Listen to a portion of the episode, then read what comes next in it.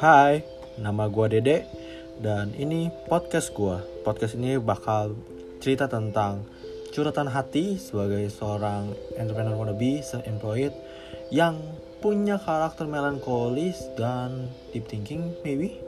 Uh, jadi semoga terhibur dan bisa ambil yang positifnya. Thank you.